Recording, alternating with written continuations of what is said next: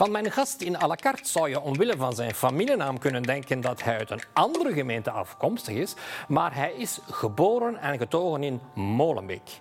Een muzikant die alle hoeken van de wereld en van het leven heeft gezien, maar die een authentieke Brusselaar blijft, voor wie Le Grand Jojo en Eddy Merckx belangrijker zijn dan Jacques Brel. Hier is Serge van Laken, beter bekend als Marca. Wat denkt u nu van Brussel? Is Brussel een helhol? Lukt er niets in Brussel? Hoe gaat het nu met Brussel? Goed of slecht? Gaan we nu vooruit of achteruit? Een stad waar te veel auto's zijn? Of zijn de fietsers te arrogant? Wilt u er komen wonen of willen jullie juist weg? Welkom bij à la carte, kijkers en Marca. Je hebt een heel mooie plaat gemaakt, een heel mooi boek geschreven met de iets wat misleidende titel Terminé bonsoir. Men zou kunnen denken dat het een afscheid is. Maar dat is het niet, natuurlijk. Hè. Als ze dat zeggen in Brussel, terminé bonsoir, dat bedoelt dat je eindigt met wat dat je bezig zit. Maar dat, dat laat ook plaats voor, voor de volgende dingen dat je gaat doen. Ja, maar je zegt ook in, in je boek dat het een beetje het gevoel is van nu is het aan mij. Ja, maar ik heb twee kinderen die uh, nogal veel lawaai hebben gemaakt die vijf laatste jaren. dus dacht ik, ja, kan, kan papa nog iets doen? Ja. Kan hij nog een beetje meespelen of moet hij volledig zwijgen? Ja, we zullen het maar meteen zeggen. Ik wou er pas later over spreken, maar je bent natuurlijk uh, de vader van twee grote vedetten. Ja, uh, van Arno en Salvatore Adamo. Angèle en Romeo Elvis, die echt, zal ik het maar zeggen, ontploft zijn de laatste vijf jaar. Maar we gaan het eerst hebben over jij, ja. over jouw uh, artistieke achtergrond. Maar eerst je familiale achtergrond, want jij, jij bent een echte Molenbekenaar. Jij Ja. bent groot geworden in een Vlaams gezin in Molenbeek. Ja, een Vlaams gezin uh, waar dat ze heel slecht Vlaams uh, spreken. Brussels Vlaams. En uh, waar dat ze natuurlijk nog veel meer slecht Frans spreken. Dus wanneer dat ik aan, aan school kwam, moest ik nog alles leren, zowel Frans als Vlaams. Maar ik had wel toch al een basis.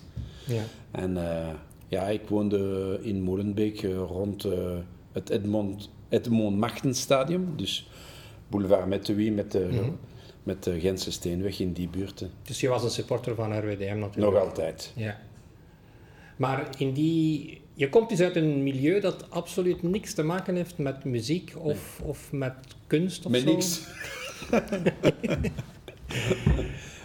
ja, ik, ik, heb, uh, ik ben naar school geweest uh, en daar uh, ging het niet te goed. Dat was in het Athénée Léon Lepage. En moest ik van school gaan veranderen, ben ik naar Institut Léon Lepage geweest. Dat was in hetzelfde gebouw, maar op, op de eerste verdieping. En daar heb ik muzikanten ont, ontmoet en dan ben ik muzikant geworden. Zo, zo, zo gemakkelijk. Uh, en zo, en zo ben gebeurd. je terechtgekomen in een van de meest succesvolle bands ja. die de Belgische popgeschiedenis ooit gekend heeft, maar die nu helaas misschien al een beetje door de jongere kijkers vergeten zijn. Dat is Allee Allee. Ja.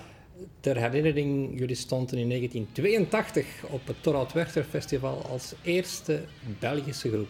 J jullie stonden echt aan de rand van een internationale doorbraak. Ja, maar we hebben het niet gemaakt. we, we, hadden een heel goede zangeres. Het was een Engelse meisje. Uh, ze heet uh, Sarah Osborne. Maar uh, na één jaar heeft Sarah beslist van niet meer terug te komen. Ze is in Engeland gebleven. Ze heeft daar een gast ontmoet. En dat was de zanger van Glenn Gregory van Heaven 17. Mm. Ze is ermee getrouwd en ze is ermee gestopt met zingen. En dan hebben wij nog daar een beetje geprobeerd met andere zangeres, maar Sarah had, had te veel kracht. Ze was te mooi, ze was te, te, het, was, het was een goede zangeres. Uh, ze had veel humor. Humor, pardon. Ja, en uh, ja, ze, ze had veel personaliteit en we hebben dat nooit kunnen veranderen. Maar je schrijft in je boek dat een beetje een autobiografie is, schrijf je dat over La Poisse, over de, ja, het, de tegenslag die je kan hebben. Je hebt dat verschillende keren meegemaakt in je leven, dat je een, op het punt stond om echt een grote doorbraak te hebben, dat er dan dingen gebeuren ja. die... Uh... Ja, het is zo, ik weet niet waarom. Met Ali Ali was het al zo. een beetje later in 1995 breng ik, breng ik dan een singeltje uit in Frankrijk en daar heb ik weer pech, want weer al pech. Want in 1995 zijn er uh, hebben ze problemen met, uh, hoe zeggen ze dat, attentat in Vlaams? een aanslag? Met aanslag van, uh, van de metro in, in Parijs. En mijn nummer klinkt een beetje Arabisch en dus en komt hij niet gedaan. meer op de radio. Ja. Ja, dat is dan de tweede keer. Een beetje later heb ik weer al een nieuw contract getekend met een platenfirma in Parijs. En na drie maanden gaat die failliet. Ja. Uh, toen ik met, vroeger nog met Le Cactus speelde, hadden we een bassist en zijn naam mm. was Dirk Schroefs. We hebben hem buiten gesmeten. Hij heeft Vaya Condigos gemaakt. Ja, allerlei ja. soorten. Maar ja, je moet, je moet chance hebben in het leven. Maar ik heb chance gehad. Ik heb een hele toffe vrouw en ik heb toffe kinderen. En ik heb altijd mijn job kunnen verder doen als muzikant. Dus ja. Dat is ook belangrijk. Maar je hebt enkele hele mooie songs geschreven op je nieuwe album met heel sprekende titels. De haut et de bas. Ja. Hoogten en laagten. Waar je een, waar je een heel uh, mooie, mooie zin zegt. La vie est faite comme ça. La vie c'est amère. Qu'est-ce qu'on peut faire sinon devenir Dieu le Père? Ouais. Dat is een heel mooie zin, vind ik. Ja. Dat, dat, zijn, dat, is een, dat is een tekst van Thierry Robrecht. Dat is ook een Molenbekenaar. Uh, we zijn samen op school geweest.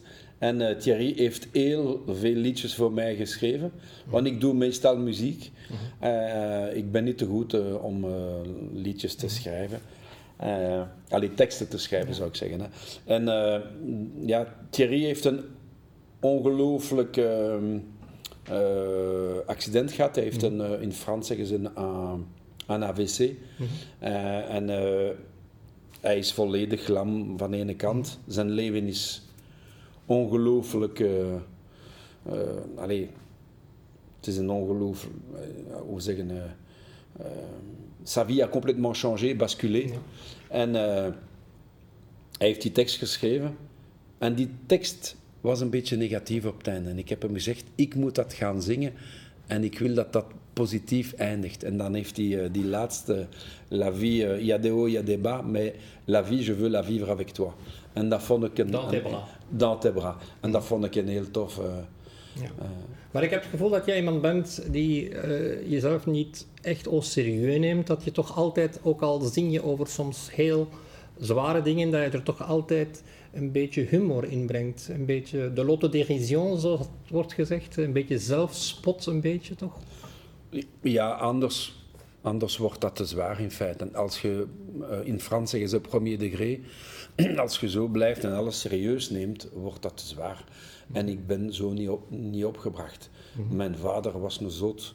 Uh, bij mij konden we, konden we lachen en... Uh, we hebben altijd zo allerlei dingen gedaan. En gans mijn leven, ik heb zo mijn kinderen ook opgebracht. Uh, het moet goed gedaan zijn. Ja. Het moet serieus zijn, maar niet te serieus. Je moet ermee kunnen lachen en je moet er een beetje afstand van kunnen nemen om er zelf van te lachen.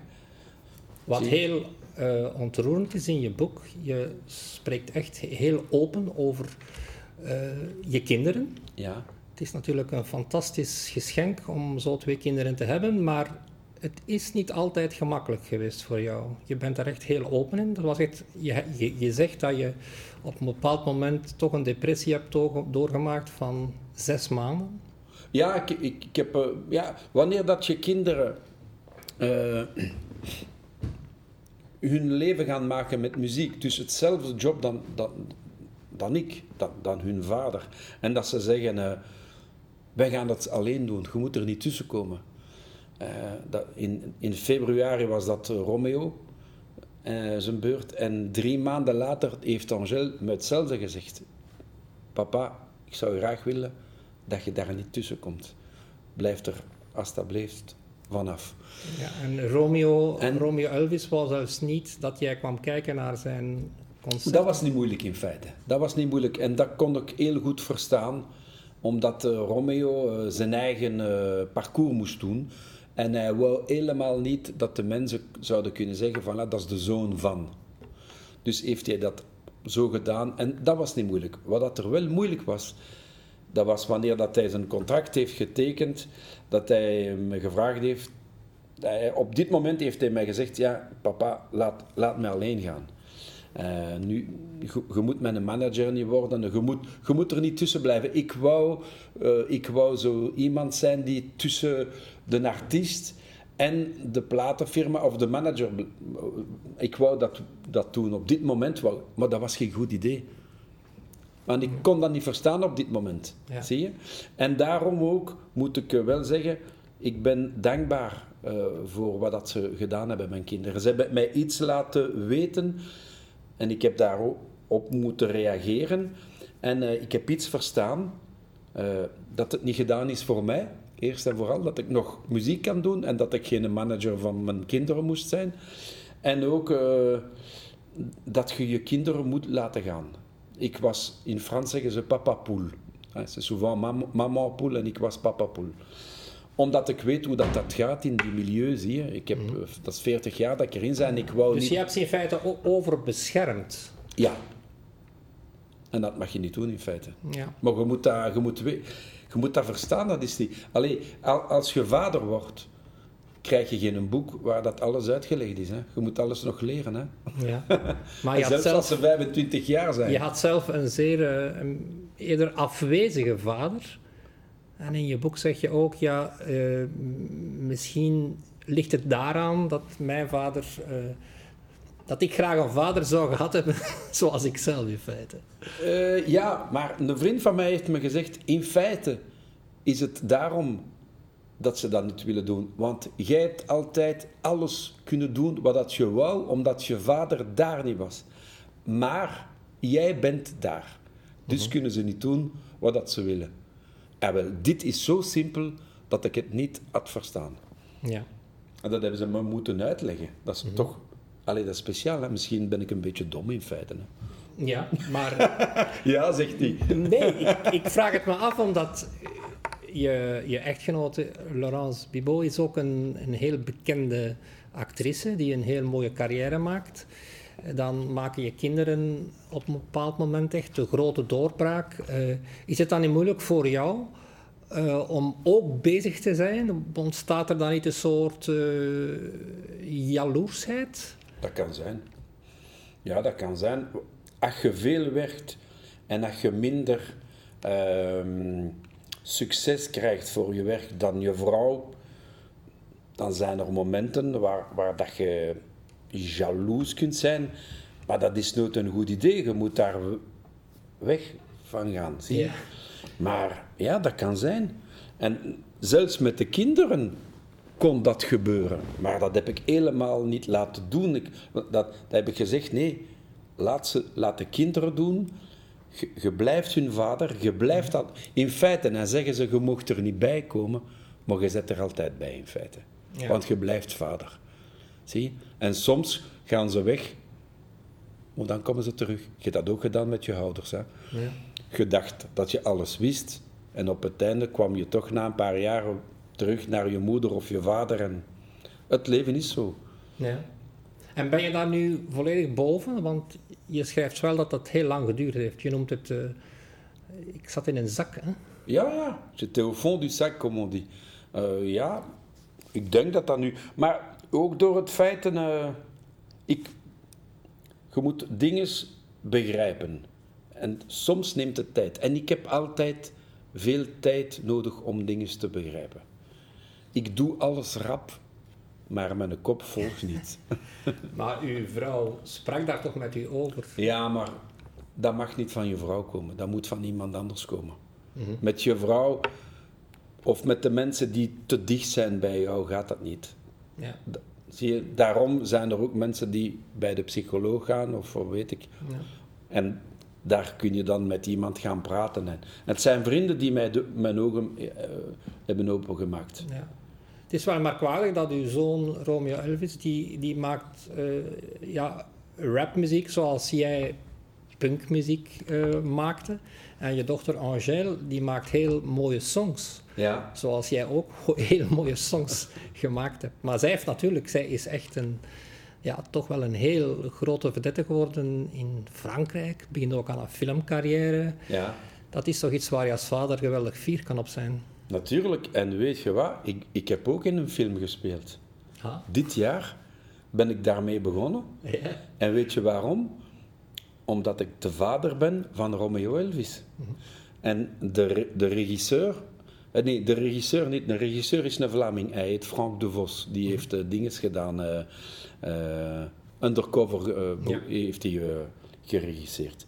En eh, de gast die, die die film heeft geschreven, zocht iemand. En de, de, de, de, de, de serie heet Fils de. En ze moesten de vader hebben. Dat ben jij dus. En ik ben de vader geworden van die, van die Ja. dingen. Je hebt ook zelf een eh, heel leuke clip gemaakt over eh, ouder wordende muzikanten. Je maakt er echt een beetje een karikatuur van jezelf. Je Ja. ziet jezelf als een oude muzikant Ja. Eh, met andere oude Brusselse muzikanten. En in de clip verwerk je ook enkele beelden van jezelf als heel jonge eh, muzikant. Ja, de vraag is natuurlijk voor wie. Je, je, je, drijft een beetje de spot met jezelf. Want je kan je afvragen wie wil er mijn muziek nog? Ah, nee, dat dacht ik niet. Nee. Ik heb dat gewoon willen doen, eh, omdat die gasten die daarbij spelen, eh, als muzikanten, dat zijn vrienden van in de jaren 77, in de punkperiode. En die drie gasten zijn ook vader geworden. En heel goede vaders. En ik dacht, misschien kunnen wij een, een clip doen samen met oude muzikanten die, die ook oude vaders zijn. En dat, daar, daar gaat het over. Alleen maar daarmee. Maar de muziekwereld is geweldig veranderd. Natuurlijk. En er is natuurlijk altijd nieuwe generaties, heel andere muziek. Is er dan nog plaats voor het soort muziek dat jij maakt? Oh, daarmee zit ik niet in. Ik doe gewoon wat ik wil. ik, ik, ik heb dat altijd gedo- gedaan wat ik wou. Ja. Wat ik ook eh, een heel mooie anekdote vind in je boek is... Je, je was de gast in een heel eh, prestigieus Frans programma. En men had je daar gevraagd om een nummer van Jacques Brel te spelen. Ja. En dan heb jij die mooie uitspraak gedaan. Ja, voor mij is Eddie Merckx belangrijker dan Jacques Brel. Maar dat is juist. Ik ben geen fan van Jacques Brel. Ik vind dat hij heel toffe liedjes heeft gedaan. Daar ga ik niet, niks tegenover zeggen. Maar dat is wel altijd een, een idee van, van een Fransman, van een Belg, te vragen dat hij een Jacques Brel kan zingen. Zie, waarom moet, het, moest dat een Jacques Brel liedje zijn? Dan heb ik dat gedaan, maar ja, heb ik een beetje problemen gekregen, want al dit liedje was op, eh, hoe zeg je dat in Een prompter. de prompter. En die is natuurlijk eh, in pannen gevallen. En je Eh, kende de tekst niet. Ah, nee, natuurlijk niet. En zij hadden mij gezegd, je moet dat niet van buiten leren, we hebben een prompter. Ja, en hij was plat. Dat was weer een voorbeeld van La Poisse. Maar je moet ervan, je moet ervan lachen, hè, want dat is gewoon het leven. Wie heeft er geen poes? Alle dagen krijg je zo problemen. En ja, je moet, je moet ermee leven. En je moet, het is beter dat jij er meer ermee lacht dan de anderen. Kom jij nog wel eens in Molenbeek, in de wijk waar je groot geworden bent? Ja, mijn moeder woont daar nog altijd en ik ga nog eh, naar RWDM kijken, als het mogelijk is. Dus pre-covid. En eh, hopelijk eh, dit jaar mogen we terug naar het stadion. Ja, ja, zeker. Want in, uit je boek spreekt ook een grote nostalgie naar je jeugdjaren, die Molenbeekse jeugdjaren, die toch wel heel aangenaam waren. Maar dat Molenbeek bestaat natuurlijk niet meer. Nee, en wat ik daarmee bedoel is het feit dat in die jaren eh, veel, mee, veel minder wagen waren. Dat was Veel een- minder auto's, veel ja, minder verkeer. eh, veel minder verkeer. Eh, op het einde van de straat waren er weien en eh, konden we in de wei gaan spelen. Dat is nu allemaal gedaan en gebouwd en het stad gaat steeds verder. En dus is alles veranderd. Maar alles veranderd. Hè. In de jaren 60 was het televisie en noir et blanc ook. Hè. Dus, En geen internet. Hè. Dus, Maar jij blijft bezig, jij blijft voortdoen, jij blijft Oh, muziek ja. maken. ja, ik ben koppig. Je n'abandonne jamais. Goed, en je maakt mooie muziek. Marca, Dank je heel vriendelijk. hartelijk bedankt. Beste top. kijkers, volgende week is er weer een à la carte met Medina. Graag tot dan. Dag.